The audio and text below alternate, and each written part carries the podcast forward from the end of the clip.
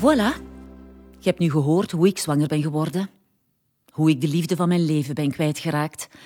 En ik heb u ook proberen uitleggen waarom ik mijn kind uh, in de steek heb gelaten. Waarom dat, dat voor mij de enige optie was. Ja, thank you. Bye. ik glimlach van oor tot oor. Oh, ik hou nu al van deze stad. Ik voel de energie en de adrenaline door mijn lijf stromen. New York, I am ready. Vanaf die eerste seconde wist ik dat ik de juiste beslissing had genomen. New York. Mijn vader had hier gewerkt.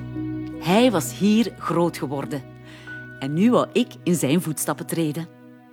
Dat hij hier ook geweest was, wel, dat stelde mij gerust. Het voelde op de een of andere manier vertrouwd. Ik had alles en iedereen achtergelaten, dus uh, ja, ik, uh, ik kon wel een klein beetje houvast gebruiken. Ik had contact opgenomen met Mark, een vriend van mijn vader. Ze waren na hun studie samen naar New York vertrokken om stage te lopen bij de grootste advocatenkantoren. En Mark, ja, die was daar blijven plakken. Ik had zijn hulp gevraagd omdat ik nood had aan iemand die mij de weg kon wijzen in die gigantische wereldstad. Maar dat, hè, dat was blijkbaar een vergissing. Mark had naar mijn moeder gebeld. En nu wist hij wat er allemaal gebeurd was. En nog erger, mijn moeder wist waar ik was. Het werd mij nog maar eens duidelijk hè, dat je niemand, maar dan ook niemand moet vertrouwen. Ja, hallo. Je vlucht toch niet naar de andere kant van de wereld om dan vrolijk contact te houden, was dat nu? Het was alles of niets. Halfwerk, daar doe ik niet aan mee. Hè. Als je eenmaal een keuze hebt gemaakt, dan moet je daarbij blijven. Dan is er geen plaats voor spijt of twijfels. Daar helpt je niemand mee. Als het duidelijk is, als de deur niet meer op een kier staat, ah wel, dan doet het minder pijn. Ik heb Mark laten weten dat ik het wel alleen zou doen. Ik had zijn hulp niet nodig. En ik heb hem duidelijk gemaakt dat hij mijn moeder erbuiten moest houden. Maar ja, natuurlijk heeft hij niet geluisterd, hè. Na die valse start met Mark begon ik echt aan mijn leven in New York. Ik studeerde rechten en ik was gelukkig. Deed mij deugd dat niemand mijn verhaal kende. Ik werkte de naad uit mijn ziel om te overleven. Dat hielp om alles wat achter mij lag te vergeten. En dat lukte me eigenlijk hè? vrij goed. Als je maar hard genoeg doet alsof er niets is gebeurd, dat wel. Hè? Ja, dan begint je dat om de duur zelfs bijna te geloven. Af en toe gebeurde het toch nog dat ik, ja, dat ik plots werd herinnerd aan vroeger. Als de jongen naast mij bijvoorbeeld in de les dezelfde aftershave aan had als Steven. Of als er een liedje voorbij kwam op de radio dat we samen vals hadden meegezongen. Maar dat gebeurde minder en minder. Maar het ergste... Ja, het ergste bleef voor mij als ik, een, eh, als ik een baby hoorde wenen. Dan sneed dat door mijn ziel. Maar de herinneringen gingen steeds meer vervagen en ik werd steeds beter in het verdringen. De jaren gingen voorbij en mijn leven daar, ja, dat viel in zijn plooi. En feesten, hm, dat deed ik met verschillende mensen. Het contact bleef altijd oppervlakkig. Ik liet niet in mijn kaarten kijken. Blijkbaar was ik een mysterie en dat had zo zijn effect op de mannen. Mannelijke aandacht, dat wel, dat was niet echt een probleem. En ik maakte daar gebruik van. Natuurlijk. Je kent mij, hè? Als ik mijn zinnen op iemand had gezet, dan kreeg ik hem altijd. Enfin, je moet nu ook niet denken dat ik zomaar met een eerste de beste in bed dook. Hè? Ik wil alleen mannen die aan mij gewaagd zijn. Een man die macht en gezag uitstraalt. Ah, ik word er echt wild van. Misschien wel omdat ik dan de drang voel om dat gezag zo'n beetje compleet te ondermijnen. En mannen in een kostuum, hmm, vind ik echt onweerstaanbaar. Ja, ook toen al. Ik ontdekte de fysieke troosten die een mannenlichaam kon bieden. Maar, pas op, hè. Ik hield de controle in handen. Ik was degene die besliste wie ik mee naar huis zou nemen. En niet andersom. Nee, nee, nee, nee. Ik, hè. Ik zou mij niet meer laten overrompelen. Trouwens, ik was duidelijk hè, over mijn intenties. Gewoon seks. Niks meer. Keith, wake up. Time to go. Maar Keith wil dat blijkbaar niet goed begrijpen. No, Hij trekt me terug in bed, kust mij in mijn nek. Hij wil eerst nog een beetje genieten. Yeah, right. I like you. Ik duw hem weg en ik maak hem duidelijk dat ik er absoluut geen zin in heb. Het blijft bij die ene keer. En dan? Dan komt het You know I can't stop thinking about you. dat hij mij leuk vindt. Dat ik al langer in zijn hoofd zit. Oh my god. Hij is verliefd op mij. Ik maak hem duidelijk dat het goed is geweest. It's time to go. Chop, chop. Hij is boos en gekwetst. Hij noemt mij een Cold-hearted bitch. Cold-hearted bitch. Denkt hij nu echt dat hij mij daarmee beledigt? Ik vind dat eigenlijk wel een compliment. Ik wil wel die bitch zijn. Cold-hearted. Ik werd niet verliefd. Verliefd worden is een uitnodiging om je te laten kwetsen. En dat ging ik echt nooit meer laten gebeuren. Of dat was toch de bedoeling? Want je weet het, hè? Ik heb mij weer laten vangen. New York. If you can make it there, you'll make it anywhere. en ik heb het daar gemaakt. En ik heb het helemaal alleen gedaan. Daar ben ik nog altijd trots op. Vijf jaar nadat ik in New York was toegekomen, studeerde ik af met de grootste onderscheiding. Daarmee was ik de beste van mijn jaar, de valedictorian. Mr. Ben Warren. Mr. Bernie Johnson. Bij de diploma-uitreiking ben ik de laatste aan de beurt. Ik ben de climax, top of the list. Ik laat mijn blik door de aula glijden. Ah, ik krijg er kippenvel van. Dit moment is exact zoals ik het me altijd heb voorgesteld. Oké, er zit niemand in de zaal voor mij. Geen trots lief of ouders die een traantje wegpinken. Maar gelukkig ook geen kind van vijf. And Miss Karen Bart. Ik schrik toch even als de decaan mijn naam roept. Trots loop ik naar voren. Iedereen kijkt naar mij. Iedereen wil mij. Oh man, het is mij gelukt. Ik geniet. Ik heb het verdomme verdiend. Ja, ik heb er wel een hoge prijs voor betaald. Dat weet ik. Maar ik mag fier zijn. En daarvoor heb ik geen bevestiging nodig van anderen. Ik neem zelfverzekerd plaats op het podium voor mijn speech. Ik neem mijn tijd en ik geniet volop van de aandacht. Dit is mijn moment. Ik verdien het om zo in de spotlights te staan. Ik heb er verdomme hard genoeg voor gewerkt. Na mijn laatste woorden volgt er een daverend applaus. Ik word overspoeld door een golf van euforie. Dit gevoel is echt overweldigend en onvergetelijk. Ik kan de wereld aan. Die avond nog werd mij een plaats aangeboden bij het bekendste advocatenkantoor van New York. Binnengehaald worden door de top van de top. ja, zo had ik het graag. Ja, dat was heel goed voor mijn ego. Ik geef het toe.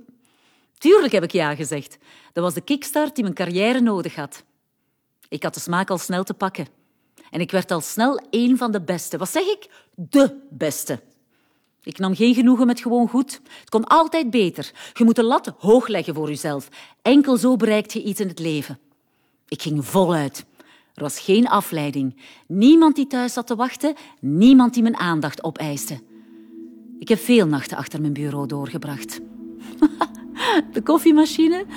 Ja, de koffiemachine was mijn beste vriend. Hm. Ah, Ik voelde mij thuis in New York. Hard werken was noodzakelijk om uw plekje op te eisen.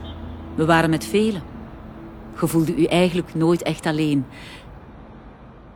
En toch wel eenzaam. Hm. En al dat harde werken loonde ook. Oh, ik heb veel zaken gewonnen. Als rookie werd ik onderschat. Vooral door de grote pleiters. Dat heb ik een dubbel en dik betaald gezet. Man, dat voelde goed. Advocaat zijn, dat is toch echt wel de beste job die er is. Elke zaak is een nieuwe uitdaging en je moet je elke keer opnieuw bewijzen. Het is niet omdat je de vorige keer gewonnen hebt dat het opnieuw gaat lukken, hè? Elke keer dat je in de rechtbank verschijnt, krijg je de kans om uit te blinken. Maar je loopt ook het risico om serieus op je bek te gaan. Maar voor mij maakte dat allemaal spannend. Dat is waarom het zoveel voldoening geeft. En dat weet jij, Tom. Hoe kun je mij dat afpakken? Ik had nooit gedacht dat jij tegen Karin zou ingaan, eerlijk gezegd. Ze laat me geen andere keuze. Ze maakt mijn familie kapot. En ze kwetst de mensen die ik graag zie, keer op keer. Ze heeft geen greintje respect, nog voor die mensen, nog voor mij. In New York ben ik de karenbaard geworden die iedereen kent. De genadeloze advocaat die over lijken gaat. De ijskoude bitch zonder emoties. Hard zijn, dat was iets positiefs. Daarmee won ik zaken. Op professioneel vlak waren dat de beste jaren van mijn leven. Ik heb een paar grote, belangrijke processen mogen doen. Oh man, ik haalde zoveel voldoening uit mijn werk. Maar ja, het was ook het enige wat ik had. Ja, enfin, ik zal het maar toegeven. Ik was eenzaam. Toen vond ik dat prima. Want ik was vooral bang om terug gekwetst te worden. En ik wist eigenlijk ook niet wat ik miste. Maar nu... Ja, nu weet ik dat wel. Door Tom en door Kobe heb ik terug mogen ontdekken hoe schoon dat, dat is. Als iemand u echt kent, u graag ziet. Zelfs met uw gebreken en tekorten. Dat heeft een extra dimensie gegeven aan mijn leven. Hm. Maar toen, ja, toen had ik dat nog niet. En omdat ik niemand dichtbij liet komen, was er ook niemand die mij kon raken. Sommige mannen die probeerden mij te domineren. Maar dat lukte nooit. Ik was onaantastbaar. Ik weet niet of het wel zo goed is om onaantastbaar te zijn. Op dit moment wil ik natuurlijk ja zeggen, omdat het zoveel pijn doet om tot in het diepst van uw ziel geraakt te worden, maar toch. Als je niets hebt, kunnen ze u niks afpakken. Dus op zich is dat wel een veilige keuze. Maar dat betekent ook dat er niets van waarde is in uw leven. Dat is toch zonde? Het enige wat ik wel heb, is het pleiten. En dat willen ze mij nu afpakken. Ha, hebben ze goed gezien, hè? Klootzakken. Ah oh man, ik weet het allemaal niet meer, zeg.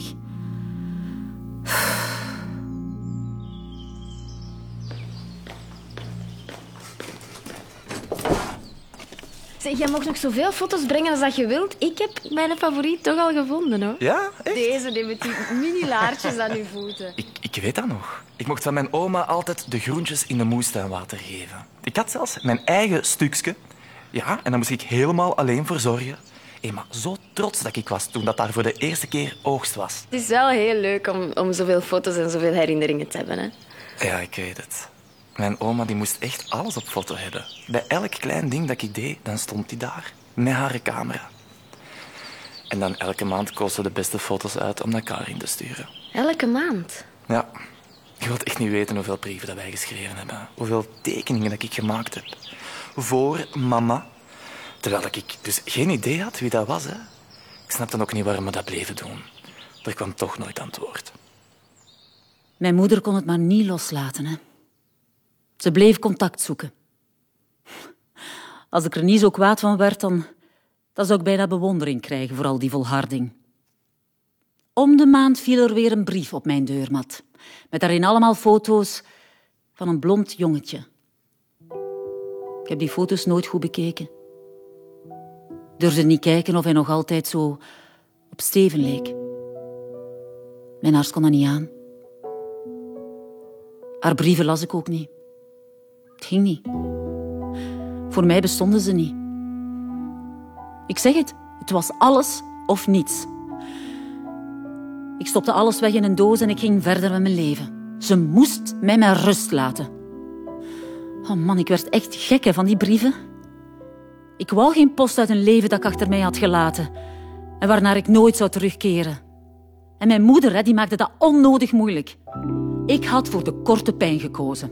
En ja, ik weet het, dat zou misschien hard aankomen bij dat kind, maar het zou tenminste duidelijk zijn. Hij moest niet op zijn moeder rekenen.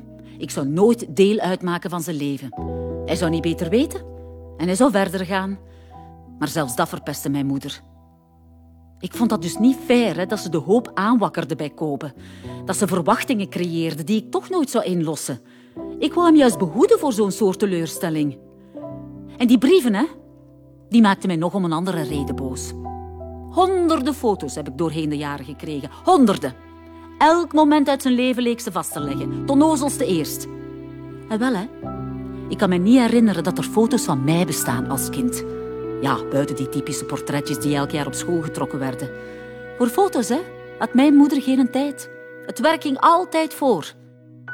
En nu zag ze haar kans om dat goed te maken. En haalde ze al die gemiste momenten gewoon in bij Kobe. Cynisch. Geloof mij, ik ben blij dat ze goed voor hem heeft gezorgd. Maar het pikte ook wel. Omdat ze er nooit is geweest voor mij. Ik kon perfect begrijpen dat ze zich schuldig voelde. Maar daar moest ze mij niet meer lastigvallen. Voor spijt was het te laat. We konden er toch niks meer aan veranderen. Net zoals ik niet meer zou terugkomen op de keuze die ik toen had gemaakt.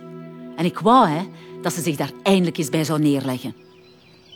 Maar dat breekt echt mijn hart, omdat jij als kleine jongen zelfs nooit een antwoord hebt gekregen. Maar nee, dat is echt niet nodig. Ik heb daar eigenlijk niet zoveel last van op dat moment. Ik heb een schoon jeugd gehad. Echt.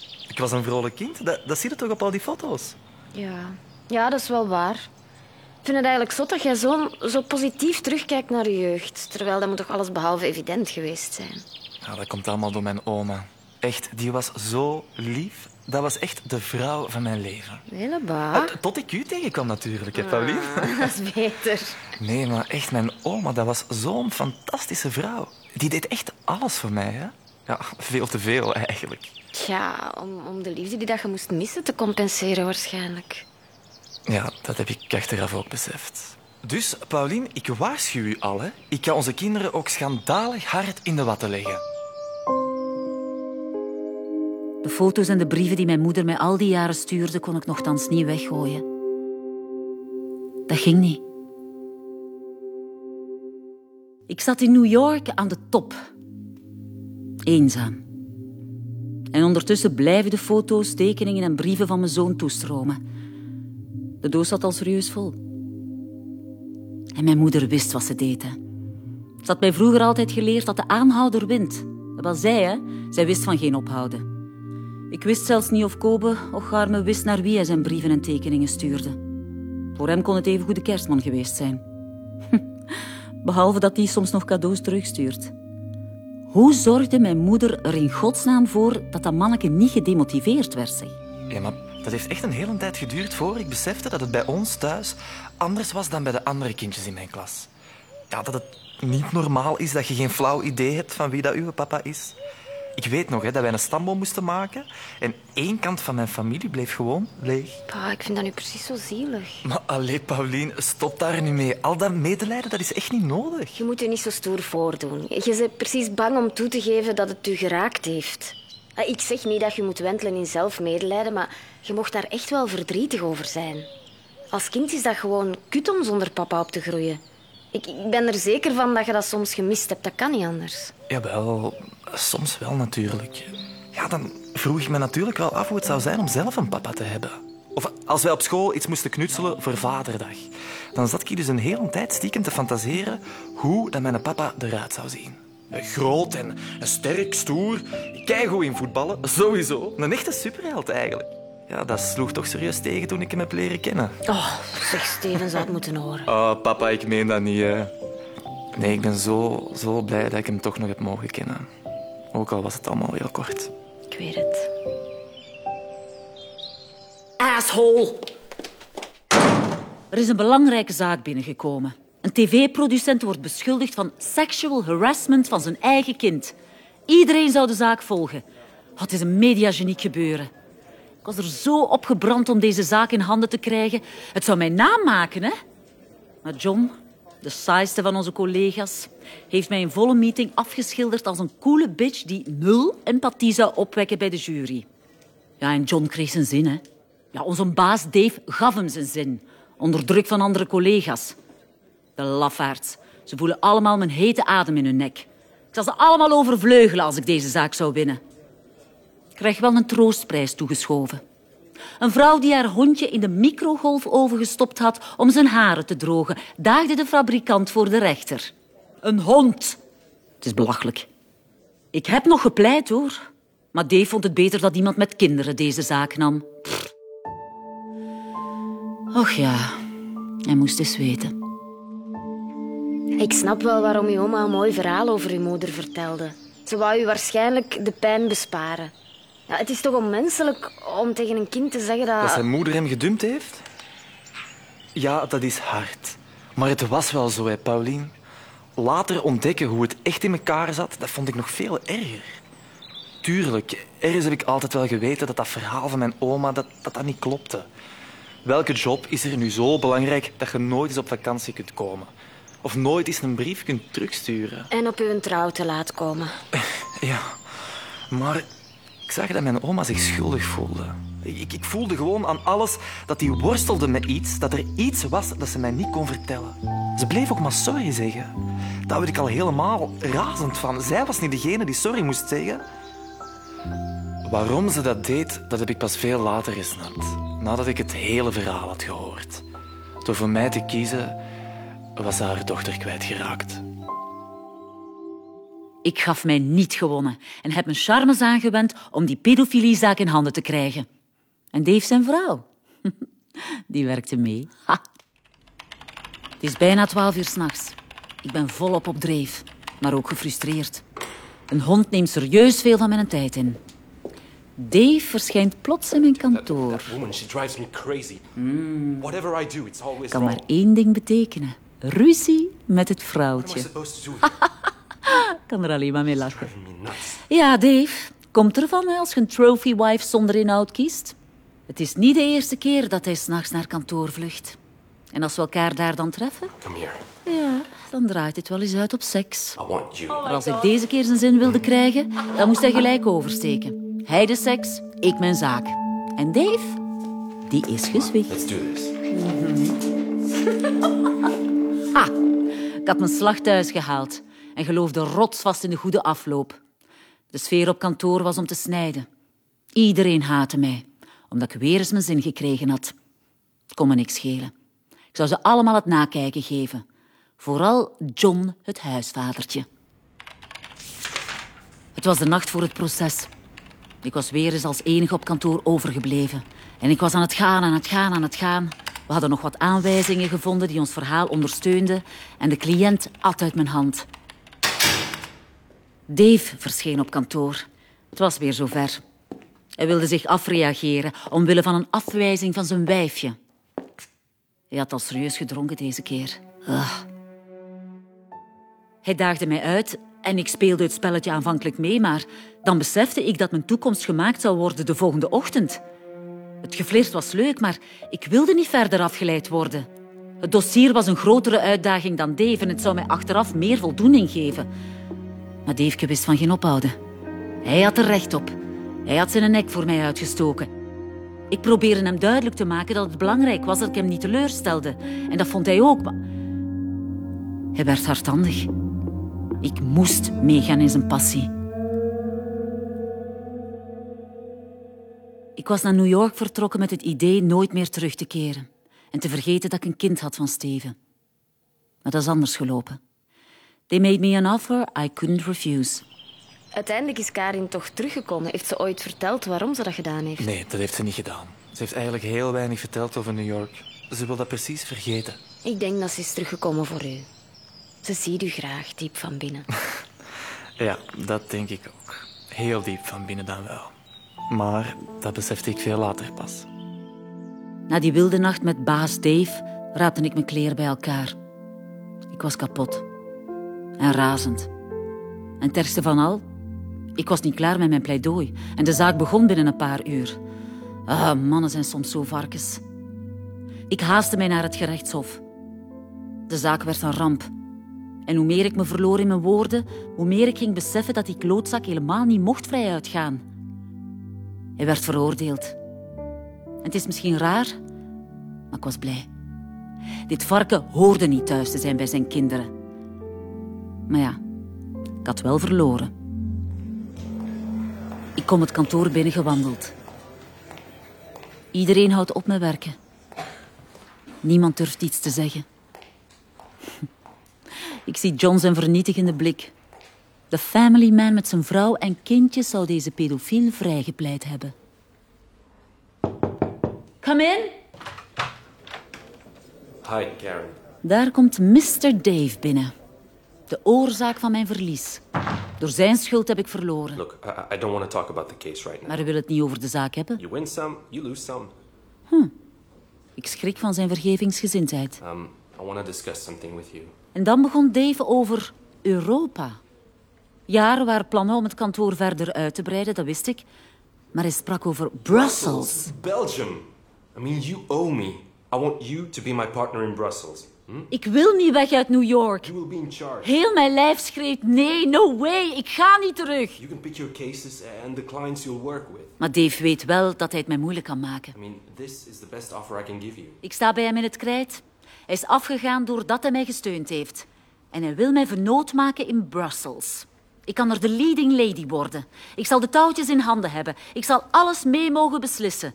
Welke zaken we aannemen, met welke cliënten we in zee gaan. Beter dan dit wordt het niet. Mijn toekomst in New York is weg.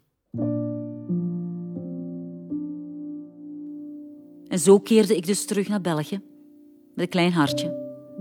Bang dat mijn verleden elk moment in mijn gezicht kon ontploffen. Maar de jaren gingen voorbij. Er gebeurde niks. Ik richtte mijn eigen advocatenkantoor op. Ik won nog meer zaken. Alles ging goed. Ik dacht dat mijn moeder eindelijk had begrepen dat ze mij mijn rust moest laten. Ja, ik raakte er langzaam van overtuigd dat ze het eindelijk had opgegeven. ja, overmoedig zijn. Altijd gevaarlijk. Dat is het moment waarop het gebeurt. Net wanneer je uw waakzaamheid laat verslappen. Mijn moeder stond op een dag plots voor mijn neus.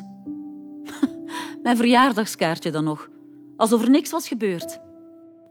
Oh man, ik stond te wankelen op mijn benen. Ik schrok ook van hoe ze eruit zag. Ze was oud geworden. Ze zag er kleiner uit dan ik mij herinnerde. Het was echt een gebroken vrouw die tegenover mij stond. Fuck. Bracht mij nog meer uit mijn evenwicht. Ik wist echt niet wat ik daarmee moest. Ik was al die jaren boos geweest op de vrouw die mij niet had gesteund. Hoewel ze gezegd had dat ze er voor mij ging zijn. Op de vrouw die even onverbiddelijk was geweest als ik. Maar dit... Dit was niet die vrouw. Hoe kon ik boos zijn op dit hoopje ellende? Hoe kon ik schreeuwen tegen haar, terwijl ik bang was dat ze elk moment uit elkaar kon vallen? Dat voelde zo verkeerd en, en onterecht. Maar toch deed ik het. Ik wou niet met mezelf en met mijn gevoelens geconfronteerd worden. Het enige wat ik kon doen was mij afsluiten, extra cool en hard zijn. Dat is wat ik altijd doe als het moeilijk wordt. Dus ik heb haar buiten gesmeten. Ze moest weg. Ze had het recht niet om zomaar op te duiken. Ze had haar keuze gemaakt en ze moest er de gevolgen van dragen. Dat moest ik ook. Ergens wou ik hè, dat mijn moeder even hard tegen mij inging. Dat ze mij op mijn plaats zette, mij dwong mijn verantwoordelijkheid te nemen. Want op een rare manier was het ook een opluchting hè, dat ze daar stond. Het is vermoeiend om constant op je hoede te zijn. Ik wist dat mijn verleden mij ooit zou inhalen. Dat was onvermijdelijk. En nu was het gebeurd. Ik was er nog niet klaar voor, maar misschien kon ik er mij nu gewoon aan overgeven. Stoppen met vluchten. De realiteit in de ogen kijken. Maar mijn moeder liet zich wegjagen. En ik was laf. Ik wou niet geconfronteerd worden met die pijn uit het verleden. Doen alsof het allemaal nooit gebeurd was, dat was veel gemakkelijker.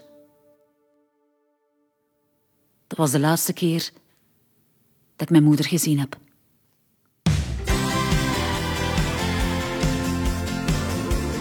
Aflevering gemist?